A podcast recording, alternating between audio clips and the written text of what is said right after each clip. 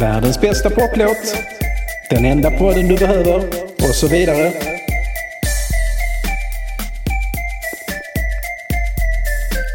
Välkommen hit, sitt ner en stund. Du ska inte sova, inte få dig en blund. Nu ska vi resa, ja, resan blir wild. Och höra vad vi vill om Desmond Child.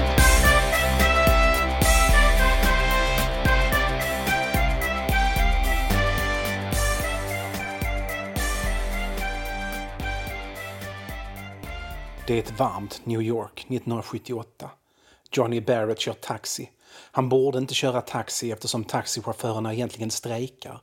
Men John är inte med i facket och även om han riskerar att få stryk av de taxichaufförer som faktiskt är med i facket och som faktiskt strejkar måste ju pengarna in. John är musiker. Eller ja, han borde vara musiker men han har tvingats låna på sin gitarr på pantbanken. Snart säljer de den. Och den är allt han har. Eller, den är inte exakt allt han har. Han har sin flickvän, Maria Vidal, som brukar säga att även om de bor i en fallfärdig etta utan att ha råd till värme så har de varandra. De drömmer om att lyckas som musiker, om framgång, om att ta sig ifrån där de är nu. Men så länge de håller fast vid varandra, vid det de har, så spelar det egentligen ingen roll om de lyckas eller inte. Det är inte fin New York vi pratar om här, det är Taxi Driver New York, fast utan psykopater. Men ännu har det inte kommit ett stort regn som sköljt bort smutsen från gatan. Johnny kör sin taxi och drömmer om sin gitarr och sitt band och tänker på Maria. Maria är servitris på dagtid. De flesta kvällar brukar hon och Johnny uppträda för i stort sett inget gage alls på mindre dansrestauranger. Inget de kan försörja sig på. Så Johnny kör taxi och Gina, Maria kallas så på restaurangen hon jobbar på för att hon liknar Gina Lollobrigida, serverar öl och sprit till dryga kunder medan hon också drömmer om lycka och framgång. Medan regnet smattrar mot vindrutan och kunderna uteblir funderar Johnny över sitt liv. Han har problem. Hans mamma, den kubanska låtskrivaren och poeten Elena Casals, brukade alltid säga att det inte finns en sorg man inte kan använda i sin konst, eller göra en dikt av det, eller en låt. Johnnys barndom var fylld av musik och poesi och högljudda sena nätter. Elena Castals lilla hus i Miami blev en tillflyktsort för kubaner, främst konstnärer och intellektuella som flytt Castros Kuba i slutet av 50-talet eller början av 60-talet. De strömmade igenom, bodde några nätter hos Casals innan de sökte sig vidare till andra delar av USA. De sjöng och spelade musik och inte sällan blev gästerna och Johnny de första som fick höra någon av Casals nya dikter eller rent av någon låt hon skrivit till sin svägerska Olga Guillou, en av de populäraste boleroartisterna på Kuba före revolutionen men som nu kämpade för att få fart på sin karriär i USA. Det var alltid musik och glädje och katolicism och vin och färger kring Johnny när han var barn. Han hade rest till New York för att bli stjärna. Han hade kommit dit tillsammans med sin flickvän och de hade hittat sin lägenhet och de hade startat sitt band Desmond Child and Rouge och de hade börjat få spelningar i det musikaliska landskapet mellan disco och rockmusik. Men det var svårt att få betalda spelningar med dansmusik när det var billigare för dansställena att helt enkelt bara spela skivor. Bara vi har varandra så spelar det ingen roll om vi lyckas, brukade Maria säga och Johnny funderade på om det går att använda till någon låt. Han kommer inte på någon där i bilen med det smattrande regnet och de inga kunderna. Johnny har andra problem också, inte bara fattigdom och pantade gitarrer. Han hade börjat fundera över om han inte trots allt var homosexuell. Han hade inget emot homosexuella eller homosexualitet. Hans familj var inte den sortens katoliker. De var konstnärliga och intellektuella och öppna och fria. Men det skulle onekligen ställa till det lite för hela det där så länge vi har varandra så spelar det ingen roll om vi lyckas eller inte konceptet. Ett annat problem var att en rockstjärna hade börjat dyka upp backstage påfallande ofta efter att de haft en av sina återkommande spelningar på ett diskotek som körde med liveband mitt på kvällen. Och rockstjärnan var mer än lite öppet flörtig med hans flickvän.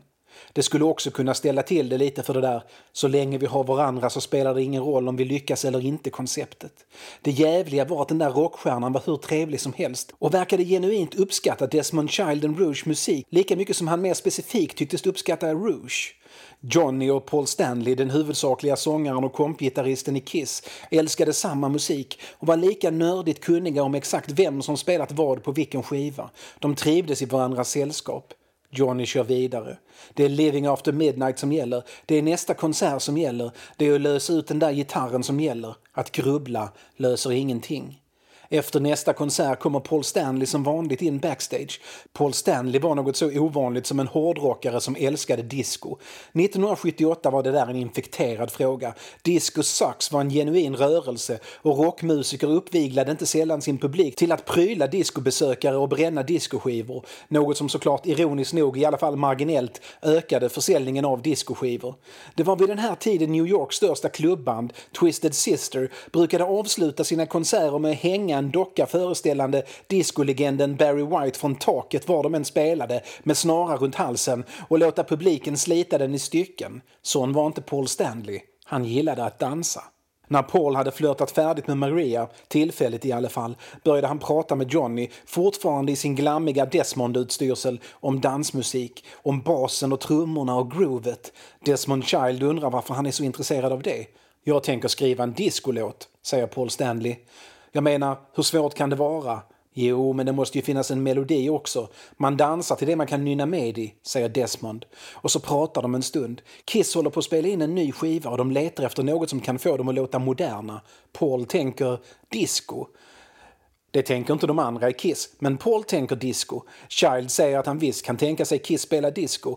Behåll bara de hårda gitarrerna och glöm inte gitarrsolot. Det kommer låta unikt om inte annat. Ska vi skriva en? frågar Stanley. Nu? Nu? Okej. Okay. Paul Stanley har såklart tillgång till studio även om det är mitt i natten. Han och Desmond Child åker direkt dit och på en timme skriver de låten som kommer att bli Desmond Childs genombrott som låtskrivare.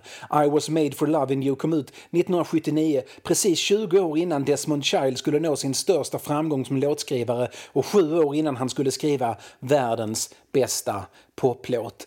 I was made for loving you löste Johnnys, eller Desmond från och med nus, ekonomiska problem. Och inspelningen löste ett annat också. Desmond Child var med i studion när Ace Frehley la sitt fantastiska lilla gitarrsolo. Av någon anledning beklagar han sig för Ace om Stanleys flörtande med flickvännen. Vad bryr du dig för? undrade Ace. Du är ju bög. Och så var den frågan utredd, den med.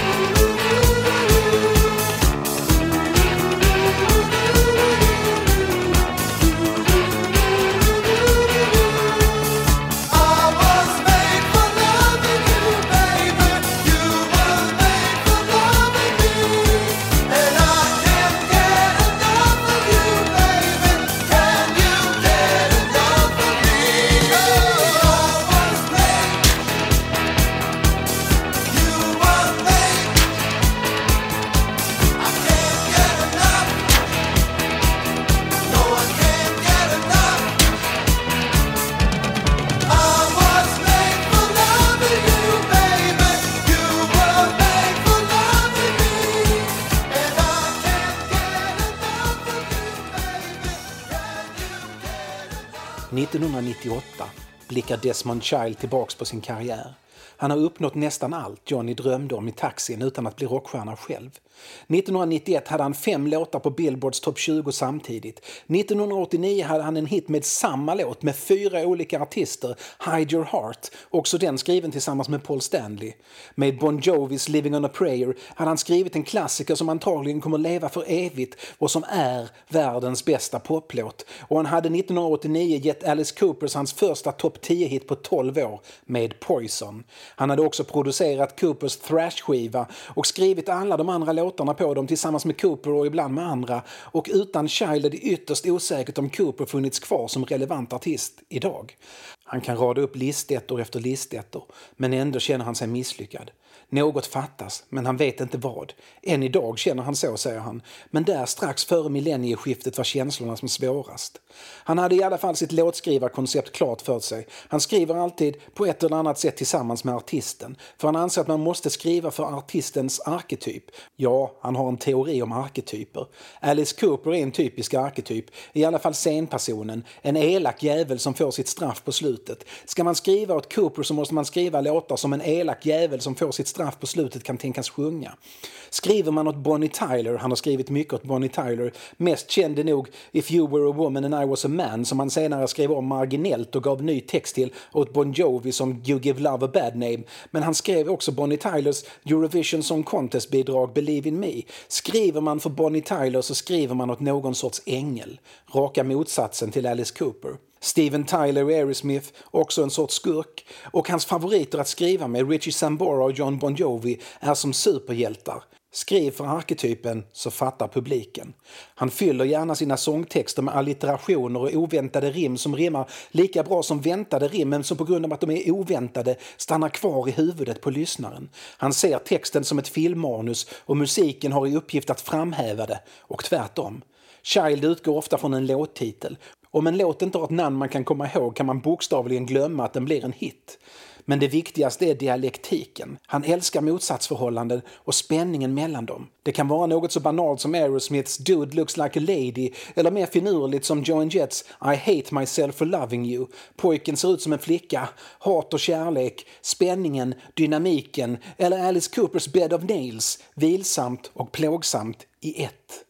Även världens bästa poplåt, Living on a prayer, bygger på dialektiken. Spänningen mellan Tommys och Ginas drömmar och deras verklighet. Ja, Johnny blev Tommy för John Bon Jovi ville inte framstå som att han sjöng om sig själv. Han ville bli Bruce Springsteen och berätta berättelser om vanliga arbetare och inte om rockstjärnor. Och Johnnys Taxi blev Docs, för det passade bättre in i rytmen. Vad fan rimmar man på taxi liksom? Alla låtar han skriver blir såklart inte hits. Han har skrivit 4000, fått strax över 1000 inspelade, men 100 av dem har blivit topp 200 i USA och det är bra procent det. Så pass starkt renommé som låtskrivare har han att till och med Per Gessle, inte helt okänd för att själv kunna klämma fram en eller annan bra popmelodi om det behövs, bad Child om hjälp för att skriva låtar på 90-talet. Telefonen ringer. Det är Childs manager som säger åt Child att kolla sin e-post. 1998 var det tydligen inte något man gjorde dagligen. Internet var fortfarande relativt nytt och spännande. Child kollar sin e-post. Där finns ett mejl från skivbolaget Columbia som undrar om Child hört talas om Ricky Martin, en artist som är stor i Latinamerika och bland de spansktalande i USA, men som inte gjort särskilt mycket väsen av sig i övrigt. Martin vill göra en skiva på engelska, bara för att testa om latinomusiken kan funka över språkgränserna. Kan Child tänka sig att träffa honom? Det kan Child. Självklart har Child hört talas om Ricky Martin. Han har, om inte annat genom hans mamma, ständiga påminnelser om att inte glömma sin spanska, koll på den delen av musikscenen. Han förstår dock inte riktigt varför Martin vill träffa en utpräglad rockkompositör, men han reser till Los Angeles för att träffa Martin. De klickar direkt, faller in i att prata spanska och Martin vet såklart vem Childs mamma är. Martin tror att tiden är mogen för resten av Amerika att dansa till de latinska rytmerna och Child håller med, det är på tiden och han han lockas av tanken att kombinera arenarock med stora refränger med kubanska blåsorkestrar och ett latinskt sväng. Tillsammans med Ricky Martins vän och låtskrivare Draco Rosa skriver Desmond Child under två intensiva veckor i Los Angeles sex låtar varav en kommer att bli Desmond Childs, hittills får man väl säga, största hit. Den låg ett helt år på Billboards Hot 100 med början 1999, nästan exakt 20 år efter att I was made for loving you peakade på plats 50. Fem veckor i rad låg Living Living La Vida Loca etta. Men den låg inte etta bara i USA, den låg etta över jävla allt. Till och med i Latinamerika toppade den listor lite varstans och där är det väldigt lätt att bli betraktad som en sellout om man börjar sjunga på engelska. Etta i de nordiska länderna. Bäst säljande singel i England 1999. Det var bara i Japan man inte fattade singelns storhet. Men alla andra fattar. Alla andra fattar att Living La Vida Loca är världens näst bästa poplåt.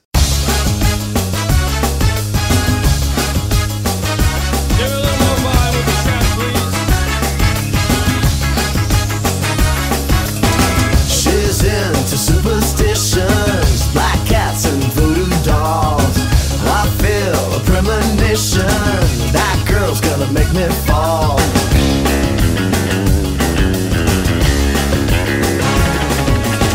She's into new sensations, new kicks in the candlelight. She's got new addictions for every day and night. She'll make you take your clothes off